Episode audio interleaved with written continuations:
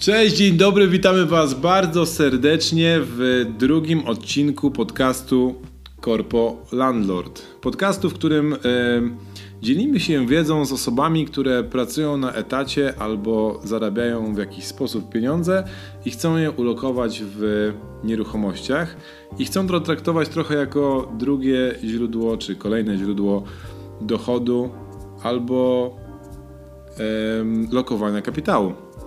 Jest ze mną Darek Matczak, ja nazywam się Paweł Kuryłowicz. No i co? To już nasz drugi odcinek. Dzień dobry. Cześć. Dzisiaj porozmawiamy sobie o tym, jak ja zacząłem pracować z nieruchomościami, kiedy się to wydarzyło. Natomiast tak jak mówiliśmy w poprzednich, y, poprzednim odcinku, ten podcast będzie składał się z trzech części. Pierwszą będzie temat dnia, czyli moja historia w tym wypadku. Drugim będą pytania, e, które od Was otrzymaliśmy. A trzecim będzie jedna rzecz, którą ja albo Paweł się ostatnio uczyliśmy lub nam pomaga czy w życiu, czy w zarządzaniu nieruchomościami. No dobra, to zaczynamy.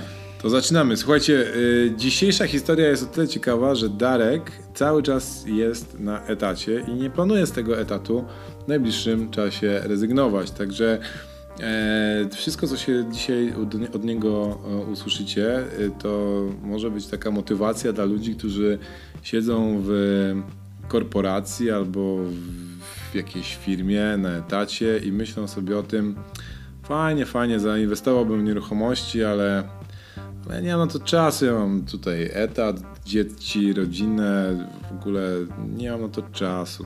No, jakby do tego trzeba mieć pieniądze i to pewnie robią ludzie tylko jacyś wielcy inwestorzy, którzy e, pewnie lokują swoje ogromne zyski z, giełdy albo z czegoś innego, nie mają już co robić, to kupują mieszkania i wynajmują.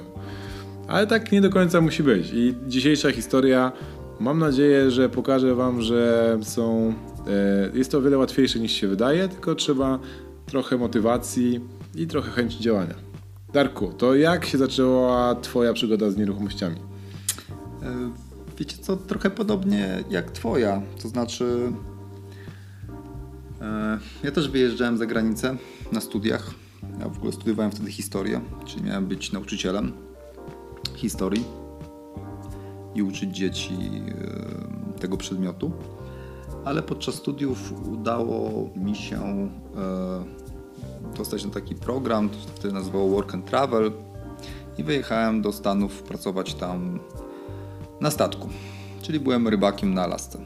I po takim każdym kontrakcie byłem tam trzy razy. Poczekaj, który to jest rok? 2004, 5 i 6. Trzy razy byłem. I za każdym razem, gdy kończyłem kontrakt, schodziliśmy ze statku. Jeden z właścicieli tej firmy Mówił, dobra, Darek się tam z nim za, zaprzyjaźniłem. Więc ja mam dom tutaj w Seattle, pod Seattle właściwie. I jak chcesz, to tam jakby dogadamy się, że pomieszkasz sobie kilka tam tygodni w Stanach po kontrakcie, żeby zaczął w ogóle jak to tam, jak się tu żyje, może pojeździć sobie, weźmiesz jeden z samochodów też i tak dalej. Więc zawsze po tym kontrakcie zostawiałem, zostawałem w Stanach na, na około dwa tygodnie do miesiąca w jednym z jego domów. No i kiedyś się pytałem go w ogóle, po co mu te domy jakby, bo miał jeden dom i obok miał na tej samej posesji, tak oddalone, nie wiem, 500 metrów, dwa inne domy jeszcze. Takie no, dwa pokoje plus kuchnia, plus tam jakiś, jakiś taki stołowy ala nasz. No mówi, no normalny Darek, jakby ja też pracuję, jak wiesz, tam sezon jest od e, czerwca do, na łososie, bo łowiliśmy łososie, sezon jest od czerwca do tam powiedzmy września, a w ciągu roku właśnie zarządzam tymi domami, mam jeszcze jedną nieruchomość i wynajmuję je po prostu. I to jest taki mój dochód, tam mam tutaj dużo ziemi, więc e, pewnie za rok wybuduję trzeci dom. A on miał tak fajnie, bo miał pod Seattle przy autostradzie, to tak niedaleko, ale w takim lasku, więc naprawdę tam się fajnie mieszkało. No i tak wtedy postanowiłem, mówię, kurde, taki fajny sposób, wiesz, tu, tu zarabia, niby tam fakt, że pracuję bardzo ciężko kilka miesięcy, ale później tam sezon zimowy ma ma już luźniejszy, no i dodatkowo ma się ten dochód z tych domów, więc tak to wszystko fajnie spinało się finansowo. Mu. A później wyjechałem do Australii też e, odwiedzić moją ciocię, pozdrawiam ciocię Kosię. E, I ciocia Gosia w Australii jest real estate agent. Czyli z polskiego agent. Nieruchomości, tak. Tylko tam ten zawód trochę inaczej wygląda. No i ciocia Gosia robiła tak zwane flipy. Czyli tam kupowała dom, rozbudowała, powiększała wartość i sprzedawała go. I tak też mówię, kurde, w sumie tak ten i ten Aaron w Stanach, którego znałem, robi, jakby najmuje i tutaj flipy można, że te nieruchomości mają taki duży potencjał, jakby można się z tego utrzymywać właściwie. No ale jak to wróciłem do Polski, zacząłem pracę na etacie i w 2008 kupiłem swoje pierwsze mieszkanie, ale pod swoje potrzeby mieszkaniowe. Nic nie robiłem na razie z najmem. Czyli poszedłem po prostu i kupiłem mieszkanie. I zrobiłem wszystkie błędy, jakie tylko mogłem. Po prostu kupiłem jedno z pierwszych mieszkań, które widziałem, jakby kupiłem je dosyć drogo, kupiłem je w walucie, niektórej zarabiam, no, wszystko, co się tylko da. Całe szczęście mieszkanie jest, do dzisiaj mam, jest całkiem fajne, bo jest dwupokojowe i w fajnym miejscu. Więc lokalizacja mi jakby To było y, mieszkanie z rynku pierwotnego czy wtórnego? wtórnego. Wtórnego. To było wtórnego na Widzewie w Łodzi na ulicy Milionowej. Ale czekaj, powiedziałeś, że to jest 2008 rok. To zdążyłeś przed y, kryzysem czy po kryzysie? Jak kupowałem jakoś tak na górce. Czyli z tego Czyli co na nieszczęście zdążyłeś przed. Tak, e, z tego co kojarzę, to już teraz nie pamiętam, ale chyba to mieszkanie zyskało wartość 3 lata temu albo 2 lata temu dopiero, tak samo to ją kupiłem.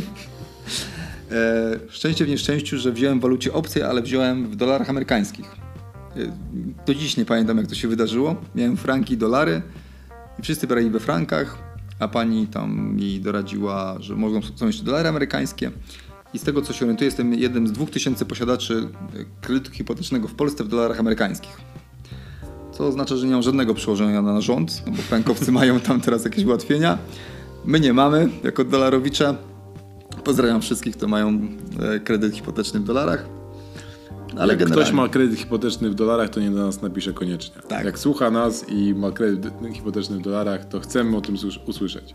Znaczy, wiecie co, przez pewien czas wychodziłem na tym, no to dalej wychodzę bardzo dobrze, ale wychodziłem super, bo ja brałem e, po 3,30 bodajże wtedy, jakoś tak.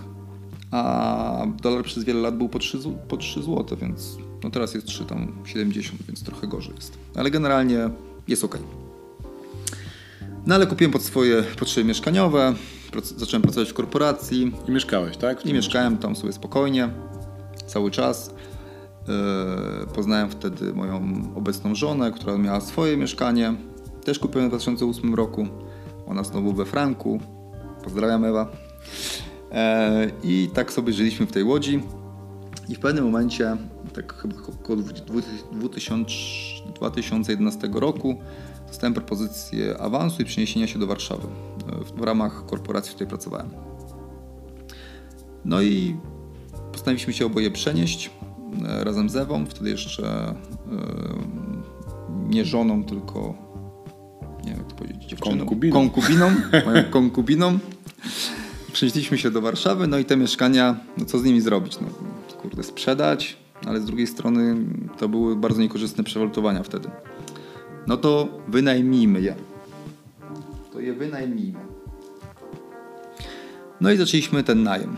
Z różnym tam skutkiem i z różnymi perypetiami. Czyli wtedy sta- stałeś się korpo landlordem. Wtedy stałem się korpo landlordem. Sam wynająłem mieszkanie w Warszawie. E, I wynajęliśmy te dwa mieszkania. I generalnie e, przez wiele lat się nic nie działo. Znaczy mieliśmy te mieszkania, my tam je optymalizowaliśmy w różny sposób, czyli zmienialiśmy grupy docelowe, aż znaleźliśmy swój taki sposób na te dwa mieszkania, bo obie w sumie są dosyć podobne. Znaczy no, dwa, dwupokojowe mieszkania e, w blokach, wielka płyta, natomiast dosyć dobrej lokalizacji, dobrze skomunikowane. I mm, w tym czasie tam próbowałem też różnych innych form inwestowania, ponieważ zawsze mi zostawała jakaś gotówka na koncie, no to próbowałem różne rzeczy robić, czyli inwestowałem na giełdzie, straciłem, szczególnie na OTSW, pozdrawiam też wszystkich, którzy inwestowali w OTSW. E, później próbowałem jeszcze z różnymi instrumentami finansowymi, też straciłem. I w 2014 lub 2015 y, zebrała się jakaś sumka na, na koncie. To było 15, przepraszam, w 2015. No i tak z żoną usiedliśmy i mówimy, kurde, co z tym zrobić? No jakby, no możemy kupić sobie samochód jakiś fajniejszy, no ale w sumie po co nam? Um, może byśmy, Sąsiad zazdrości. może byśmy zainwestowali e, w coś. No ale w co? No i tak myśleliśmy, myśleliśmy. Mówimy, kurde, w sumie ten, ten najem nam wychodzi. Te dwa mieszkania się już super najmują, nie mamy problemów, ustawiliśmy wszystko, wiemy jak. Spróbujmy. Zobaczmy w ogóle, po ile są mieszkania w Łodzi. No i e, zaczęliśmy szukać tego mieszkania. I w 2015 kupiłem dopiero swoje trzecie mieszkanie. Znaczy, okazało się, że mieszkania w Łodzi wtedy udawało nam się kupić po 100 tysięcy złotych za dwa pokoje. Plus do tego remont, tam powiedzmy 30-40 tysięcy. Razem zamykało się to zwykle w 150 tysiącach maksymalnie z notariuszem ze wszystkim, a wynajmowaliśmy je za 1200 na czysto. Więc tam wychodziło prawie 10% roli. I te mieszkania e, następne kupowałeś też za, na kredyt, tak? Czy Nie, za gotówkę? za gotówkę. E, Większość z nich aż do 2017 kupowaliśmy za gotówkę. I to jest trochę tak, że w 2015 też poznałem Pawła. Zresztą e, pojechaliśmy razem na wyjazd, ja ze swojej firmy, ze swojej firmy do Belgradu i w saunie zaczęliśmy rozmawiać o tym, czym się zajmujemy dodatkowo oprócz pracy e, na etacie. No i wyszły te nieruchomości. No i Paweł zawsze tam powtarzałeś mi, że czemu nie używam tej dźwigni finansowej, przecież tam można. Natomiast dla mnie celem była bardziej, bardziej był celem lokowanie kapitałów niż takie zarabianie z cen na nim. Eee, I dlatego pewnie kupowałem za gotówkę. Natomiast od dwu- 2017 roku e, zacząłem kupować już też na kredyt, czyli już zacząłem jakby używać tej dźwigni finansowej, której Paweł tak na co dzień używa. I w 2017 roku kupiliśmy kolejne mieszkania, w tym mój pierwszy lokal użytkowy. Pierwszy, jedyny. Eee, lokal użytkowy w Warszawie na ulicy Jana Kazimierza. No właśnie, bo tak, do tej pory bardzo intensywnie inwestowałeś w Łodzi, tak? Do momentu, kiedy nie kupiłeś tego pierwszego lokalu w, e, użytkowego w Warszawie, to inwestowałeś w Łodzi. I czemu akurat Łódź, a nie w miejsce, w którym mieszkałeś, czyli Warszawa? E, Jakby to kwestia tego, czy tam się urodziłeś, czy znałeś to miejsce, czy coś innego? E, Jest to kilka czynników. Pierwszy chyba jest taki, że mm, jakby w Łodzi mieszkałem do 30, już nie pamiętam, 31 roku życia chyba, albo 32. I znają ją dosyć dobrze. To jest pierwsza sprawa. Druga sprawa to jakby to, co ty mówiłeś, ten entry level budget, tak? W Łodzi byłem w stanie kupić mieszkanie dwupokojowe za 100 tysięcy złotych, jeszcze do, jeszcze do niedawna. Więc byliśmy w stanie kupić za gotówkę, włożyć w remont gotówkę i, jakby nie, nie kredytować, nie posiłkować się kredytem. No gdzie w Warszawie no niestety nie znajdziesz mieszkania za 100 tysięcy złotych. No tak. E, Trzecia sprawa, która też jest dla mnie bardzo ważna, to mam cały ekosystem ludzi i firm, z którymi współpracuję w Łodzi. Znaczy są tam ludzie, którzy mi potrafią dojrzeć tego mieszkania, są ekipy, które dla mnie pracują, y, nie wiem, gazownik, elektryk, wszystko, stolarz. Obecnie już jakby te firmy też dojeżdżają do Warszawy, ale na przykład dwie ekipy, z którymi współpracuję w Łodzi i one mówią, że poza Łódź nie wyjeżdżają, koniec kropka. Mają tyle pracy, że na przykład mi się nie chce. Więc ta Łódź była dla mnie takim e, pierwszym jakby rynkiem, który targetowałem. Chociaż powiem Ci, miałem takiego trochę stracha. Miałem kilka rozmów też z Ewą, moją żoną, czy dobrze robimy. No bo jednak Łódź przez wiele lat się wyludniała. Nie wiem jak jest teraz obecnie, czy dalej się wyludnia, czy nie. Ale widać jakby, że ten trend się odwraca. To znaczy inwestycje wróciły, dużo się dzieje, infrastruktura się rozrasta. Natomiast jeszcze tak 3 lata temu, to tak czy 2 lata temu byłem... Nie byłem pewien tej Łodzi do końca. No dobra, powiedz jeszcze, zanim przejdziemy dalej, te mieszkania, które kupowałeś w Łodzi, bo mówisz, że je wynajmujesz. Wynajmowałeś je jakimś konkretnym grupom docelowym, do których y, celowałeś swoją ofertę, czy to było tak, wynajmowałeś komu się dało? Początkowo wynajmowałem komu się dało. To był błąd. To znaczy, yy, bardzo się bałem przystojów. Znaczy, minimalizowałem przystoje jak tylko mogłem. Natomiast yy, całe szczęście nigdy nie miałem problemów, yy, nie wiem, że ktoś chciał się wyprowadzić, czy ktoś mi zdewastował mieszkanie. Ale miałem kilka sytuacji takich, że wiedziałem, że z tą osobą mogą być problemy. na przykład nie wiem, głośne imprezy czy, czy jakieś takie zachowania nie antyspołeczne. Natomiast tak wynajmowałem, żeby nie mieć przestojów. Już teraz tak nie robię, ale to inna kwestia. Natomiast w pewnym momencie w obu mieszkaniach zaczęły mieszkać młode pary u nas. Czyli osoby, które zwykle to jest dla nich pierwsze zamieszkanie, na przykład razem ze sobą, lub też osoby, które się dopiero weszły w związek małżeński i zbierają na swoje własne mieszkanie. I jakby zauważyliśmy, że z nimi nie ma aż takich problemów. Jakby. Oni zaczynają często, gęsto, ciężko pracować, żeby zebrać na swój wkład własny. Trochę podróżują, no bo też mają już pierwsze pieniądze, więc y, o dziwo nie robią aż tylu imprez. Jakby są spokojniejsi też dla sąsiadów, a także jakby wydaje mi się, że nie chcą mieć konfliktu na początku swojego życia z innymi ludźmi, więc wynajmuje się im naprawdę bardzo przyjemnie. Jeżeli oczywiście dobrze ich wybierzecie. Zaczęliśmy wynajmować tylko młodym parom jak kupowaliśmy już te mieszkania od 2015 roku, to już też wiedzieliśmy na co te młode pary patrzą.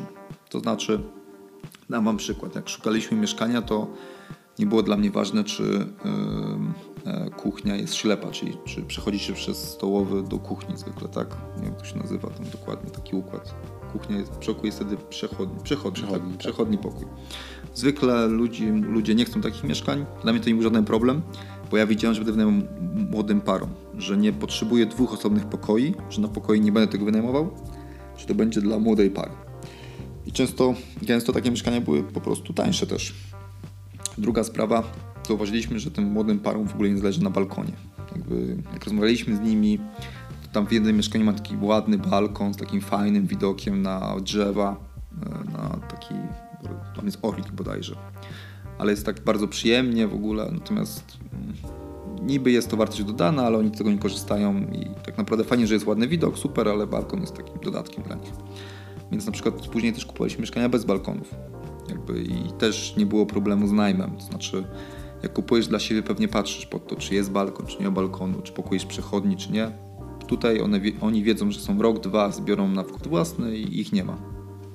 Więc. Y, no i tym się też trochę różni kupowanie mieszkania na wynajem, a kupowanie mieszkania dla siebie. Dokładnie. Prawda? Że z biegiem czasu albo wraz z, z wiedzą, którą którą zdobywasz, zauważasz, że są rzeczy, za które warto zapłacić więcej, a są rzeczy, które kompletnie nie, nie, nie wpływają na cenę najmu, ale wpływają na cenę zakupu tej nieruchomości, przez co można zwiększyć ROI, tylko pytanie jakby jaka jest nasza strategia, tak? I trzeba to wcześniej sobie wyjaśnić.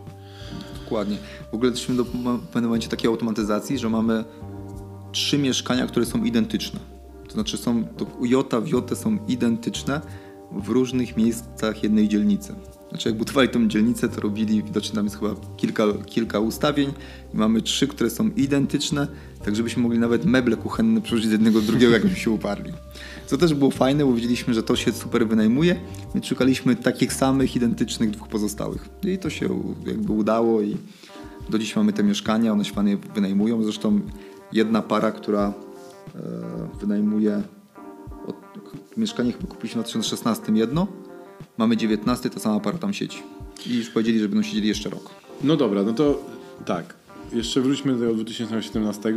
E, czyli masz kilka mieszkań w Łodzi, które dobrze albo bardzo dobrze prosperują, no bo masz ponad 10% albo 10% ROI, tak?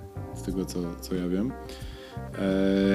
I zaczynasz inwestować w Warszawie i to w ogóle w inny w, inny w ogóle sposób, tak? Czyli lokal użytkowy, z czego to wynika? To jakiś konkretny pomysł, czy, czy, czy po prostu jakiś przypadek? No, nie, to nie fanaberia. Jakbym miał fanaberię, to bym sobie kupił pewnie sportowy samochód. E, wynika to z dosyć e, prostego faktu, to znaczy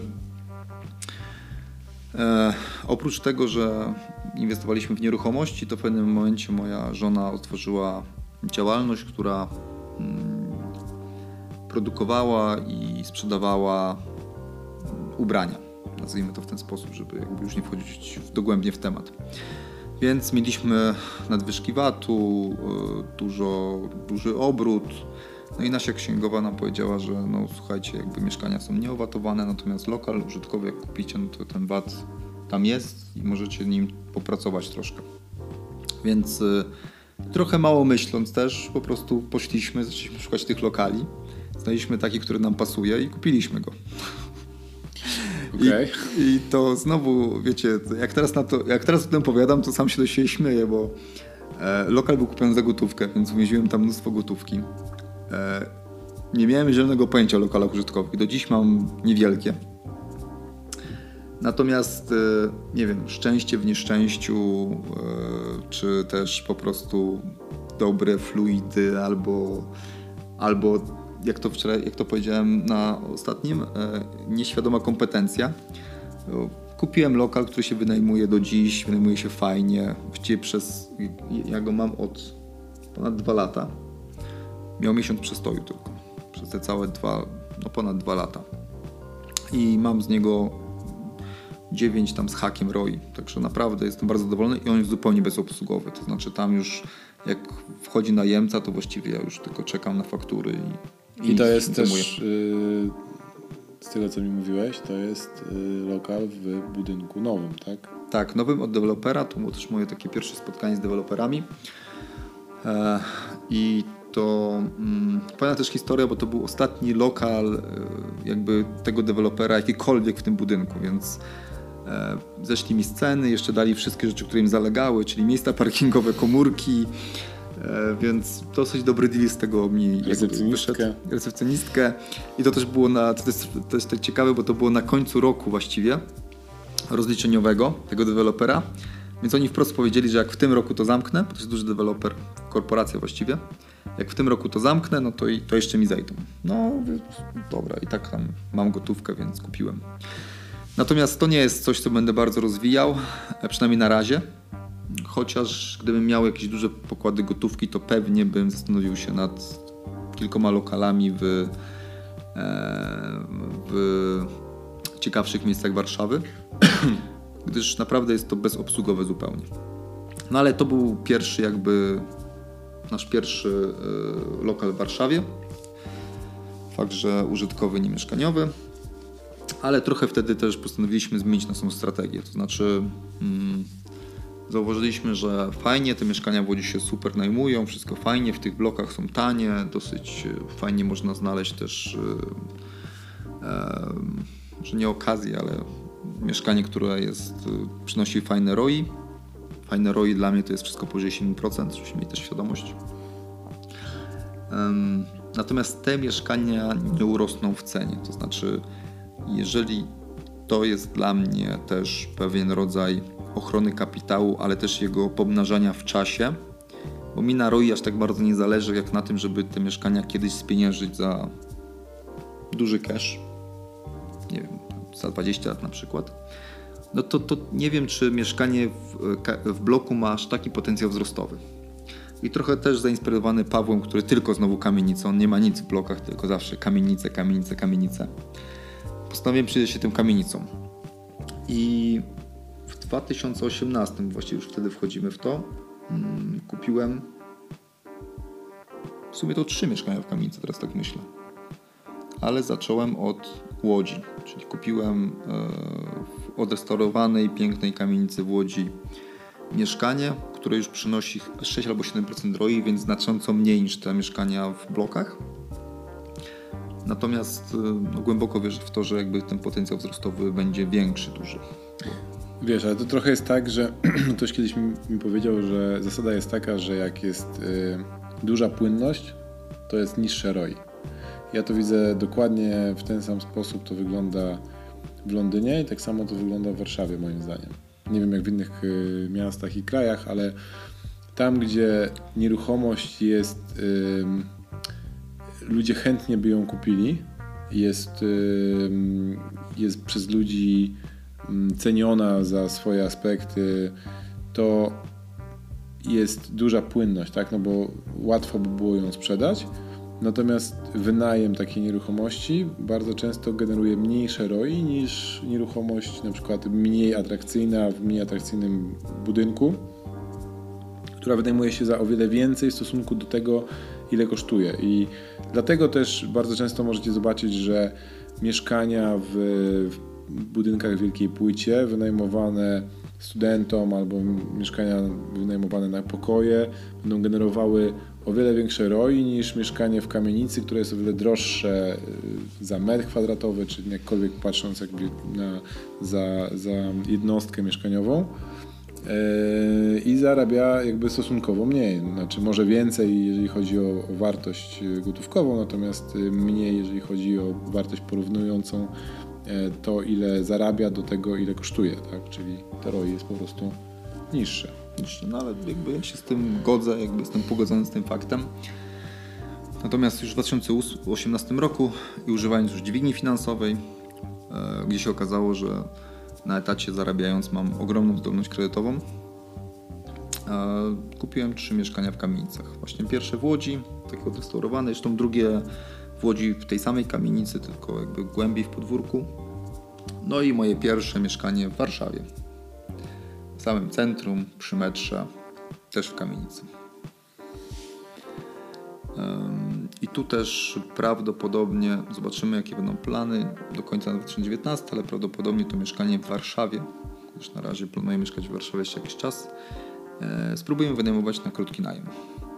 Czyli e, krótki najem, e, dla tych co nie wiedzą, to wynajem na dni, trochę tak jak dobowo, tak, trochę tak jak e, hotele wynajmują swoje tak. Czyli wszystkie portale związane z tym booking.com czy Airbnb. jeszcze jest tam parę mniej znanych. polega to na tym, że oprócz tego, że najemca wynajmuje od Was mieszkanie na ten jeden dzień, to ma jakby całą usługę dookoła, czyli ręczniki, wypraną pościel i tak dalej, i tak dalej. To już się nie da zrobić tak, że się wydajmuje gołe ściany. Tak. E, natomiast zastanawiam się jeszcze nad tym, gdyż e, mieszkanie jest właściwie skończone i mamy pierwszego najemcę, który jest tak zachwycony tym mieszkaniem, że po pierwsze już zapowiadał, że chce odkupić je za jakiś czas. E, I tam kwestia ceny to jest drugorzędna ale też e, zapłacił nam z góry za najbliższe pół roku. Można? Więc e, zastanawiamy się, czy możliwe, że zostawimy to mieszkanie pod najem po prostu dla e, już nie młodych par, tylko dla ludzi korporacyjnych. Właśnie, bo to też jest pewna zmiana, czyli te wszystkie właściwie kamienice, które, które wynaj- kupiłem, wynajmuję ludziom z korporacji. Mhm. E, którzy okazało się mają jeszcze większy potencjał jakby do najmu, zwykle przyjeżdżają do Łodzi, teraz wynajmują, wynajmują tam osoby z zagranicy te mieszkania, gdzie cena jest w ogóle już jakby drugorzędną sprawą, bo one wiedzą, że są rok, dwa w Łodzi i chcą sobie nająć mieszkanie, które jest z duchem Łodzi, właśnie w kamienicy, najlepiej, żeby kamienica miała jakąś historię jeszcze, które jest w centrum, gdzie łatwo dojść do barów, a to jest na ulicy Sienkiewicza, więc kto zna Łódź, pozdrawiam ludzi z Łodzi, zaraz przy Piotrkowskiej. E, więc nagle się okazało, że jakby to nawet się bardziej opłaca w tym wypadku niech młodym parom i najem szybszy. I to samo tu się wydarzyło w Warszawie. Najęła to osoba, która pracuje w korporacji, której jakby ta cena jest trochę też drugorzędna. Ważne jest, że to jest w centrum, przy metrze, w kamienicy, ładnie wygląda. Więc y, w ogóle myślę, czy nie pójść w, z tymi kamienicami w tą stronę. Ale to jakby wszystko się w tym roku trochę też rozwikła, w zależności tam jak jak będą się układały nam dam czas i, i, i biznes. No właśnie, 2018 ty kupujesz, y, wy kupujecie kilka nieruchomości, a tu ludzie mówią, że już idzie kryzys i, i czy warto w ogóle kupować mieszkania, jak są tak wysokie ceny. Pewnie porozmawiamy o tym jakby w innym odcinku e, e, tego podcastu, jak patrzeć na kryzys i na, na cykle koniunkturalne. Tylko tak krótko, jakby Twoim zdaniem, e, czy to w ogóle ma jakiekolwiek znaczenie? Czy będzie kryzys, czy nie? I jak te, e, ten kryzys będzie, będzie e, się przekładał na Twoje zakupy? Zupełnie by się przekładał. To znaczy, to jest tak, że ja wychodzę z takiego założenia. To może być błędne, jakby rynek mnie zweryfikuje pewnie za jakiś czas, ale ja nie planuję tych mieszkań sprzedawać w ciągu najbliższych 15 pewnie albo 20 lat. Co oznacza, że w tym czasie pewnie rynek spadnie i podniesie się z dwa albo z trzy razy w jakimś tam cyklu. Więc ja patrzę na to długofalowo. To jest pierwsza sprawa. Druga sprawa jest taka, że mam bardzo wysoki i tak współczynnik gotówki w tych mieszkaniach. Znaczy, jak patrzę sobie na wartość wszystkich moich nieruchomości, ilość gotówki, które tam włożyłem, no to 60% to jest gotówka, a tylko 40% to jest kredyt.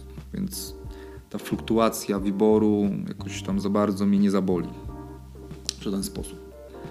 A trzecia sprawa jest taka, że jak e, patrzę sobie na wyniki e, spadków cen do spadków e, tak zwanego rentu, czyli po polsku to będzie najmu, po prostu ceny najmu, Mhm. tak? To nawet przy spadku dużym cen mieszkań najem spada odrobinę tylko. Znaczy to nie jest jeden do jednego nigdy. Czyli sprawdza się y, powiedzenie don't wait to buy, just buy and wait. Tak, tak.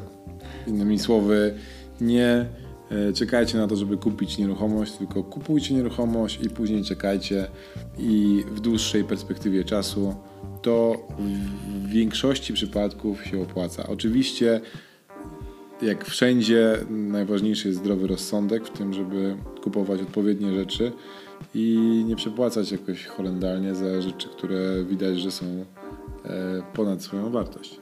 No dobra. Dokładnie. Wiesz co, znaczy słowo komentarza tylko no, trzeba kupować z Excelem, nie, nie, nie jakby nie tak jak dla, mieszkanie dla siebie, czyli nie wiem, emocjami, tylko Excelem, to jest pierwsza sprawa. I rozważać różne sytu- sytuacje i scenariusze. Dokładnie, wiecie, to jest też tak trochę, że te mieszkania też kupuję w centrum w Kamienicach teraz, bo możliwe, że przejdę na ten Airbnb, więc mam jakiś model wyjścia jeszcze nie sprzedając tych mieszkań, jeżeli będę miał problemy z, nie wiem, płynnością finansową. Wróćmy do Twojej historii, bo się rozgadaliśmy. Eee, co jeszcze w 2018 roku? E, Jeżeli chodzi o nieruchomości, no to oczywiście szkoła najmu. To znaczy, to była też e, ciekawa historia, e, gdyż e, to Mirek przyszedł do mnie któregoś dnia i mówi, ty Darek, ty tym najmem się interesujesz, tam masz te mieszkania, może byśmy zrobili taki kurs. A ja mówię, nie no gdzie, co ja wiem o tym, prawda? Jakby nie, gdzie ja będę się tym wiedzą dzielił? Nie, to chyba nie ma sensu. I pół roku się musiałem z tym bić, jakby z myślami. I dopiero po pół roku powiedziałem, tak, zróbmy ten kurs. Tylko mam jeden warunek. Weźmiemy takiego Pawła, ponieważ ja wiem dużo, ale Paweł wie chyba jeszcze więcej, więc jak, jakby jak połączymy siły, to na pewno wyjdzie nam coś, co ma większą wartość dla tego odbiorcy. I tak powstała Szkoła Najmu, o której ty opowiadałeś w poprzednim podcaście. To znaczy zestaw 11 tygodni, gdzie nagraliśmy to razem z Mirkiem, gdzie przechodzimy po kolei przez, przez to, jak budować strategię, jak szukać tych mieszkań, jak je remontować, jak, jak robić wywiad z najemcami, co jest dla mnie, według mnie ekstremalnie ważne i bardzo często pomijane przez ludzi. Em, jaką umowę skonstruować, jakie są umowy, na co zwrócić uwagę, jak robić zdjęcia, co jest kolejną rzeczą, która jest po prostu mega interesująca. E, Wszyscy wiedzą, że w internecie to zdjęcie sprzedaje czy najmuje rzeczy. Jak patrzycie na niektóre te zdjęcia w internecie, to po prostu tych mieszkań to jest tragedia. Więc e, tam wszystko przechodziłem przez to wszystko, plus jest grupa wsparcia na Facebooku, gdzie można zadawać pytania, gdzie omawiamy prace domowe. I to było coś, co naprawdę mi dużo dało, nie tylko pod takim względem mm, jakby dzielenia się wiedzą, ale też pod takim względem, że ja zawsze jakby trochę ukrywałem te nieruchomości. Znaczy robiłem w nich jakby dużo, bo uważam, że tam mam pewną wiedzę, ale tak nie wiedziałem, czy wypada o tym mówić, wiesz, czy, czy, a co jak ludzie powiedzą, szczególnie w korporacji, prawda, że tam ja ogłoszę to, a wszyscy powiedzą, uuu, tam Darek, ten niedobry pewnie, tam, nie wiem. Miałem jakieś takie w ogóle dziwne wiece myśli, okazało się, bardzo fajnie, jak, jak poszły reklamy, a poszło ich mnóstwo, to ludzie bardzo pozytywnie zareagowali w ogóle, przychodzili się pytali i jeden z kolegów w ogóle z poprzedniej mojej pracy powiedział mi, że e, ja generalnie za mało mówię o tym, co robię, bo ja robię dużo rzeczy ciekawych, ale dopóki się z tym nie podzielę, to inni nie, wiedzą, że mogą w ogóle korzystać z tej wiedzy. A ja jakby nie mam problemu zawsze z kimś porozmawiać podzielić się. Uważam, że jakby to, co dajemy, wraca do nas, więc, więc zawsze z przyjemnością. Więc to była dla mnie taka duża też nauczka i że powinniśmy mówić o tym, co robimy w życiu generalnie. Więc to było takie duże. Dlatego my y, teraz w tym roku zaczęliśmy podcast, na którym będziemy bardzo dużo mówić i będziemy starać się Wami dzielić jak największą większą ilością wiedzy i dzielić się z Wami wartością. Tak. I to właściwie tyle, że chodzi o 2018 rok. Darek, ostatnie, ostatnia rzecz, którą ja chciałbym, żebyś tutaj podkreślił. Ty przez te wszystkie lata, zaczynając od roku, e, żeby ci, e, żeby wrócić 2008, byłeś na etacie, tak? Tak, jestem cały czas i nie planuję zmiany, jakby przez najbliższe kilka, na, kilka albo kilkanaście lat. I na tym podcaście będziecie mogli słyszeć jakby dwie perspektywy. Gościa, który pracuje na etacie i większość czasu spędza w pracy, a nieruchomości to, są, to jest jego taka dodatkowa dodatkowe źródło e, zajmowania, e, zarabiania pieniędzy, tak? I lokowania kapitału. I moją perspektywę, czyli gościa, który założył dwie firmy i żyje z tego, i jego firmy też żyją z tego, że inwestujemy w nieruchomości. Także dwie różne perspektywy, a wszystko to po to, żebyście mieli jak najwięcej wiedzy i żebyście mogli się sami przygotować do inwestowania w nieruchomości, będąc jednocześnie pracownikiem albo pracując, gdzie, zarabiając gdzieś indziej. Dobra, to dzięki serdeczne Darek za podzielenie się swoją e, historią. Mam nadzieję, że Wam się podobała. Przechodzimy do kolejnego, kolejnej części tego podcastu, jakim e, są pytania i odpowiedzi, czyli e, na tym podcaście będziecie mogli też uczestniczyć w swoim, swój, na swój sposób, wysyłając nam e, pytania na adres, który jest podany poniżej tego podcastu, a my na te pytania będziemy odpowiadać e, w trakcie tej części podcastu. I ponieważ nagrywamy e, ten odcinek i poprzedni też nagrywaliśmy e, zanim jeszcze cokolwiek się, pojawiło się w sieci, to odpowiemy Wam dzisiaj na pytania, które zadali e, uczestnicy szkoły najmu podczas e, kursu na grupie facebookowej. Podczas szkoły najmu, biorąc udział w szkole najmu, macie dostęp do e, zamkniętej grupy na Facebooku, gdzie po pierwsze możecie się dzielić swoimi osiągnięciami, możecie mówić o tym, jak Wam idzie, jak Wam idzie przechodzenie lekcji domo, do, prac domowych, które, które my zadajemy na w poszczególnym tygodniu. To są bardzo proste rzeczy, bardzo często po prostu prosimy o, te, o to, żebyście się podzielili, podzielili swoimi przemyśleniami na temat, e, który się pojawiał w danym tygodniu. I e, możecie zadawać pytania, i my staramy się odpowiadać na nie e, na bieżąco. I bardzo często też tworzymy nowy kontent na podstawie tego, co się pojawia w grupie e, Szkoła Najmu, tej grupie zamkniętej. Ostatnio pojawiło się pytanie, a raczej prośba o e, podzielenie się umową z e, ekipą remontową, z firmą wykonawczą, która będzie Wam wykonywała remont.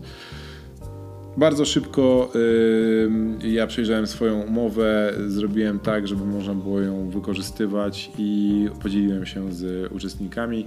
Także w ten sposób też działamy. No dobra, to pierwsze pytanie, yy, które pojawiło się na grupie. Oczywiście bardzo yy, dużo jest tych pytań, natomiast y, wybrałem kilka, tak żeby zacząć w ogóle ten, tą część podcastu, a nie znowu Wam powiedzieć, że Napiszcie pytanie, może następnym razem odpowiemy. Dobra, to pierwsze pytanie napisał Bartek. I Bartek yy, pisze.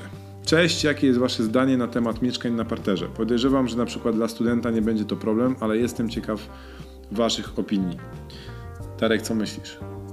mieszkanie na parterze, yy, które kupujemy, znaczy kupujemy mieszkanie, które jest na parterze i z myślą o tym, że będziemy je wynajmować. To ma jakikolwiek, y, ma jakikolwiek wpływ na najem, cenę mieszkania?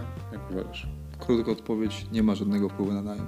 Długa odpowiedź, e, mam raz, dwa, trzy mieszkania na czwartym piętrze i chyba jedno jest, jedno jest na parterze, tak, jedno jest na parterze. I teraz powiem Wam tak, ludzie tego unikają jak kupują dla siebie, natomiast pod najem jest to, nie ma to znaczenia na koniec dnia. Naprawdę. Ludzie wiedzą, że przyjdą tam na rok, dwa pomieszkać, i z niego wyjdą. Natomiast zwykle cena jest no, niższa. Czyli tak, yy, tak bardzo krótko, jeżeli chodzi o, o, o, sam parter, no to po pierwsze cena nieruchomości może być niższa, więc ROI może być wyższe. I najczęściej najemcy nie mają w ogóle problemu z tym, żeby mieszkać na parterze. Natomiast ja bym tylko dodał, że jeżeli waszą jakąś strategią jest to, żeby kupić mieszkanie, które później będziecie chcieli w dość krótkim czasie sprzedać i liczycie na to, że ta nieruchomość zyska bardzo szybko na wartości, to parter nie musi być do końca idealnym miejscem na zakup nieruchomości, bo może być ciężej sprzedać. Natomiast jeżeli myślicie o tym, żeby trzymać to mieszkanie długo i czerpać zyski z najmu, a nie albo i lokować swoją, swój kapitał, a nie myśl, myśląc tak spekulacyjnie, że kupię, wyremontuję, chwilę wynajmuję, a później sprzedam, to e, parter jest e, całkiem niezłym e, niezłym pomysłem. Ja dodam jeszcze więcej, bo bardzo często y, ludzie się mnie pytają, co z na przykład trzecim, czwartym, piątym piętrem bez windy. Też jest bardzo częste pytanie i to jest bardzo podobnie. Najemcy nie mają z tym problemu, większość najemców. Większość najemców, którym wynajmuje mieszkania, to są ludzie młodzi, E, którzy kompletnie nie patrzą na to, czy będą jeździć e, windą, czy będą chodzić na piechotę po, po schodach. Wręcz większość osób mówi, o super, będę, będę mógł e, dodatkowo ćwiczyć wchodząc i schodząc do mieszkania. I to nie ma wpływu na cenę najmu. Natomiast znowu, jeżeli chodzi o cenę zakupu i sprzedaży nieruchomości albo łatwości sprzedaży tej nieruchomości, może to mieć wpływ. Pytanie, jaka jest Wasza strategia? Tak, dokładnie, bo jeżeli chcecie wynajmować, nie wiem, emerytom, to myślę, że czwarte piętro bez windy nie jest najlepszym jakby lokatem kapitału. Natomiast generalnie, jeżeli ja młodym parom wynajmuję, nie ma to żadnego znaczenia dla nich. No dobra, to przechodzimy do drugiego pytania. E, Piotr. Piotr zadał nam pytanie odnośnie cykli w wynajmowaniu mieszkań e, studentom. W jednej, pytanie brzmi tak. W jednej z lekcji Dariusz wspomniał, że Paweł wynajmuje albo wynajmował mieszkania Erasmusom na grupach facebookowych. Czy moglibyście podesłać namiary na te grupy lub inne miejsca dla Erasmusów? E, drugie pytanie, kiedy najlepiej zamieścić tam ogłoszenie? Rozumiem, że na przełomie września, października, ale ja teraz celuję w drugi semestr studiów. Eee, to tak. Po pierwsze, rzeczywiście bardzo często wynajmuję mieszkanie e, studentom z Erasmusa i nie mam z tym kompletnie problemów. Natomiast e, to, co ja robię, to nie, nie szykuję swoich nieruchomości tak, żeby, żeby wynajmować e, je mm, po najniższej linii oporu. Czyli staram się wynajmować te nieruchomości o wiele drożej niż wynajmuje je reszta, przez co trafiam do osób, na które stać na te nieruchomości i te osoby bardzo często o wiele lepiej traktują te nieruchomości niż taki mm, niż e, student, który, e, który, którego znamy z opowieści, tak? że robi imprezy non-stop i w ogóle tam nie da się wytrzymać mieszkając obok niego i tam jest po prostu non-stop jakaś pielgrzymka innych studentów do niego. Ja bardzo y, wyraźnie zaznaczam w regulaminie, jakie, jakie są możliwości korzystania z tego mieszkania, że tam absolutnie nie może być imprez. Zresztą moje mieszkania są najczęściej bardzo blisko jakiejś imprezowni, więc mówię, słuchajcie, to, są, to jest miejsce do spania i do odpoczywania i do uczenia się, a reszta, resztę załatwiajcie na mieście.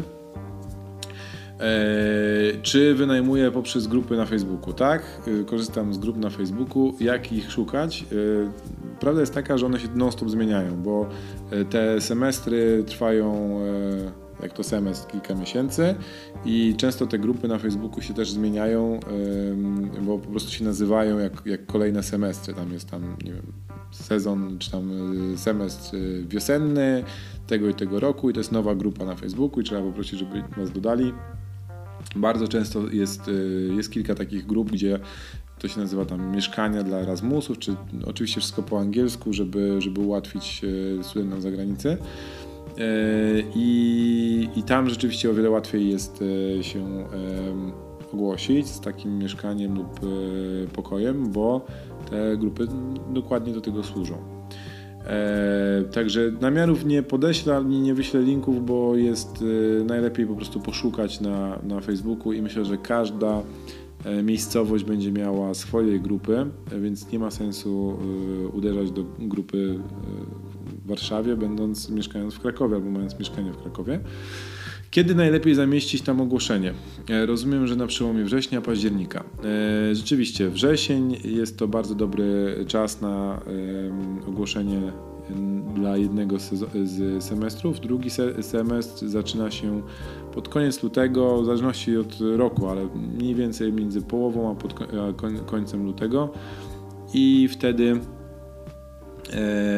i wtedy najlepiej e, kilka tygodni wcześniej zamieścić ogłoszenie. I co ważne, to ogłoszenie trzeba co chwilę powielać, bo dużo ludzi robi ten ten błąd, że wrzuca gdziekolwiek, to już jakby nie tylko o Rasmusy chodzi w tym momencie, ale robi tak, że wrzuca e, ogłoszenie i zapomina o nim przez najbliższe dwa tygodnie i później się dziwi, czemu miał dwa, trzy telefony na początku, a później już tych telefonów nie było. No, no, odpowiedź jest bardzo prosta, bo jesteś jednym z tysiąca osób, które próbują wynająć mieszkanie w danym momencie i twoje ogłoszenie spada w, e, w miejscu, w którym je zamieściłeś. Także E, dwa sezony, wrzesień i luty. Niestety w, w, sezonie wakacyjnym jest najczęściej przerwa i te osoby wracają, bo one mm, są tutaj tylko na 5 miesięcy, 5,5 miesiąca. No ale no, za to są trochę innymi e, klientami, tak? No, trzeba się do nich e, dostosować i, i mieć produkt, który, który spełnia ich oczekiwania. Natomiast często jest tak, że są w stanie zapłacić więcej. A ty, Darku, masz jakąś sezonowość, jeżeli chodzi o, e, o swoich najemców? Nie. nie Teoretycznie tam nie ma sezonowości, obojętnie który miesiąc e, właściwie wszystko się najmuje tak samo. No, także jeżeli nie chcecie mieć sezonowości, nie chcecie szukać e, Erasmusów po grupach na Facebooku, no. wynajmujcie jak Darek, e, czyli młodym parom. Albo i... ludziom z korporacji. Znaczy średnio jak patrzę sobie z perspektywy już 12, ile? 15 lat, tak? No, 10 ponad. To, to jest ten, to jest około półtora roku. Czyli średnio taka para, czy taki człowiek siedzi u Was półtora roku. No dobra, to yy, szybciutko przechodzimy do ostatniej części tego dzisiejszego odcinka podcastu Corpo Landlord, czyli do jednej rzeczy, która ułatwia nam pracę przy wynajmie albo inwestowaniu w nieruchomości. E, I tym razem ja zacznę. E, powiem Wam o czymś, co się nazywa Amron, czyli system e, stworzony, system stworzony przez Związek Banków Polskich. To jest system do dzielenia się, między, międzybankowy system do dzielenia się informacjami odnośnie wartości nieruchomości kupowanych na kredyt, a ostatnio też e, wartości najmu w nieruchomościach, które są kupowane na kredyt, albo też niekoniecznie. No, ogólnie zbierają informacje na temat yy, wartości nieruchomości i wartości najmu. I teraz jak ten system jest wartościowy dla osób, które chcą kupić mieszkanie na wynajem, jeżeli to jest system międzybankowy? Ano tak, że yy, Amron zdecydował y, y, się na otwarcie tego systemu dla osób z zewnątrz i nazwał to ten, ten, ten, ten sposób y, korzystania RON24, RON24.pl. I RON24 pozwala Wam na wygenerowanie takiego operatu szacunkowego na podstawie danych, które wprowadzacie, czyli E, załóżmy, że chcecie kupić mieszkanie na ulicy XYZ e, o takiej takiej e, wielkości na tym piętrze do remontu w kamienicy bla bla bla bla bla. Macie jakby całą spektrum informacji na temat tego mieszkania. Natomiast chcecie wiedzieć, czy kupujecie w dobrej cenie, czy, czy to jest cena rynkowa, czy nie jest ceną rynkową, ile takie mieszkanie powinno kosztować na podstawie tego y, dużej ilości y, wiedzy, jaką ma system, system Amron, która została wpisana wcześniej y, w momencie, kiedy banki zbierały informacje. I macie tam taki formularz, w którym wpisujecie te wszystkie informacje, poszczególne rzeczy E, I później się dzieje magia, czyli magia algorytmów, logarytmów i innych rzeczy komputerowych. Chmury. Chmury, która porównuje e, porównuje to, co wpisaliście z danymi, które zostały zebrane w poprzednich latach.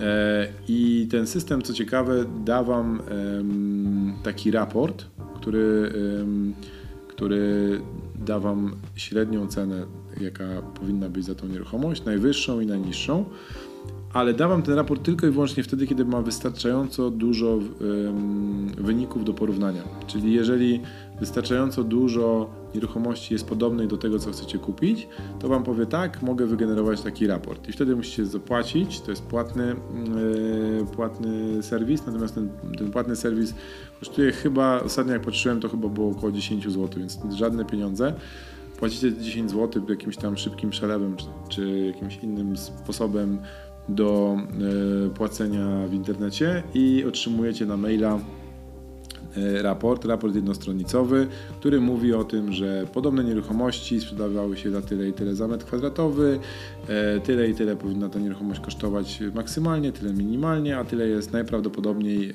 ile kosztuje w tym momencie albo jaka jest jej wartość. I do czego Wam to może służyć?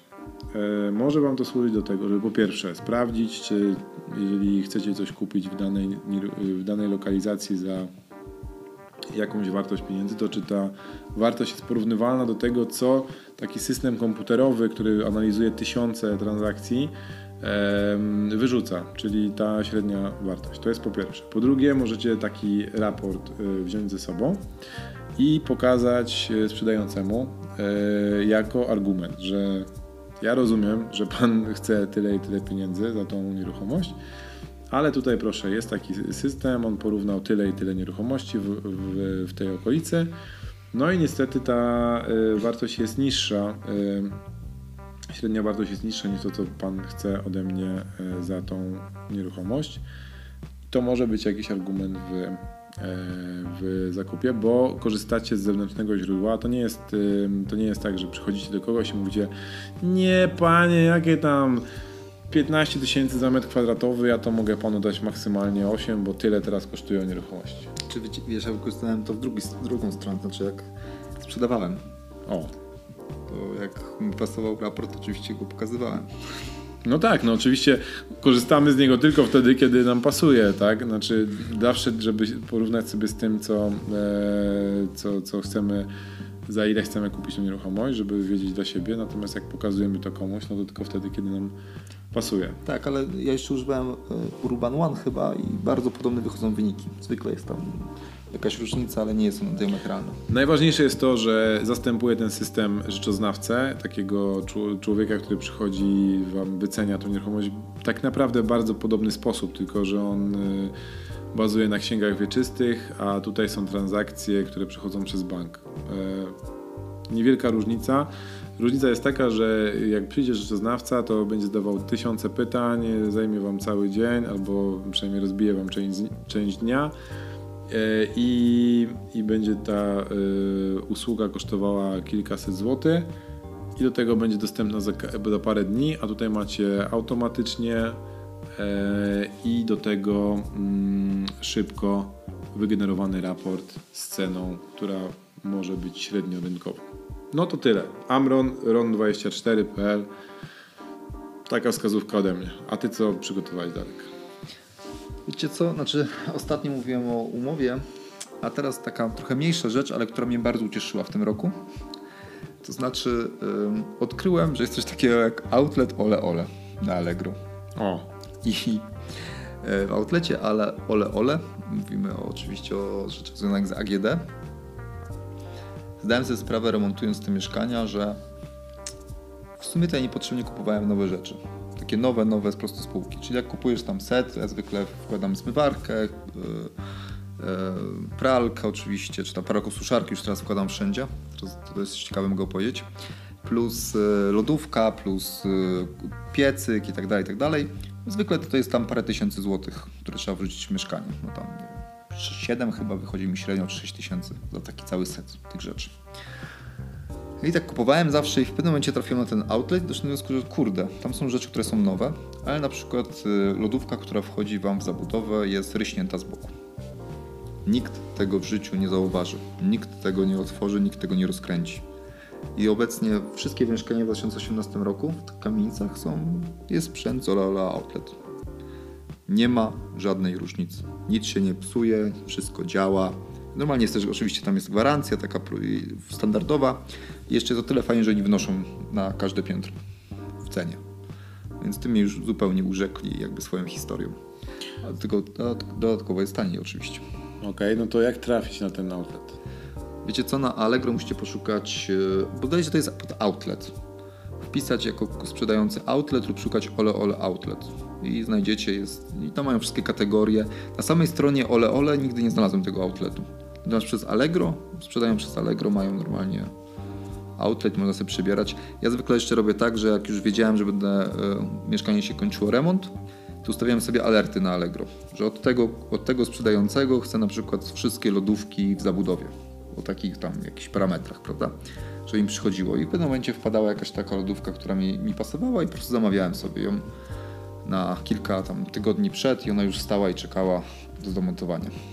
Bo Ole Ole to y, jest firma, która należy do grupy spółek, albo to jest ta sama spółka, nawet nie wiem, ale Euro RTV AGD, prawda? Tak, oni należą do Euro, RTV. Okej, czyli po prostu pewnie z tych dwóch firm jedna jest internetowa, druga jest stacjonarna. Yy, sprzęty, które zostają uszkodzone gdzieś tam w transporcie, lądują na takim outlecie. Dokładnie. Nam to nic nie zmienia, często tylko polepsza ROI, Tak, bo mamy mniejsze koszty. Tak, wiecie, ja zwykle zaoszczędzam do, od kilkuset, nawet do kilku tysięcy na tym sprzęcie. Oczywiście nie biorę sprzętu, który jest jakby uszkodzony fizycznie z przodu, czyli na przykład, nie wiem, piekarnik zabudowy, czy jakaś, jakaś płyta, która jest pęknięta, tylko zwykle to są rysy lub jakieś tam rzeczy, które nie wpływają w ogóle na komfort i są ukryte zwykle pod spodem. A oni dalej nie mogą tego sprzedać jako towaru pełnowartościowego, tylko muszą to sprzedać jako, jako niepełnowartościowy. I tyle. Taki Czyli- miły, fajna rzecz. Mała rzecz cieszy. Może cię cieszy. Zawsze mnie cieszy, jak zaoszczędzę. No dobra, no to y, doszliśmy do końca e, odcinka drugiego e, Corpo Landlord naszego podcastu, mówiącego o tym, jak przygotować się e, do wynajmu nieruchomości, pracując albo zarabiając gdzie indziej. E, ja nazywam się Paweł Kuryłowicz, ze mną jest Darek, był ze mną Darek Matczak. E, słuchajcie, pierwsze śliwki robaczywki. Nagraliśmy dwa odcinki jednego dnia. Mam nadzieję, że Wam się podoba i że będziecie dalej z nami. E, jak jest coś, co możemy poprawić, to dawajcie znać. Chętnie usłyszymy. Zawsze inaczej to jest, jak ktoś e, ocenia, niż jak my oceniamy sami. No i co? Do usłyszenia w następnym odcinku e, i piszcie do nas, bo potrzebujemy pytań, na które będziemy odpowiadać w kolejnych odcinkach. Dzięki serdeczne, trzymajcie się i powodzenia w inwestowaniu w nieruchomości. Tak. Hej.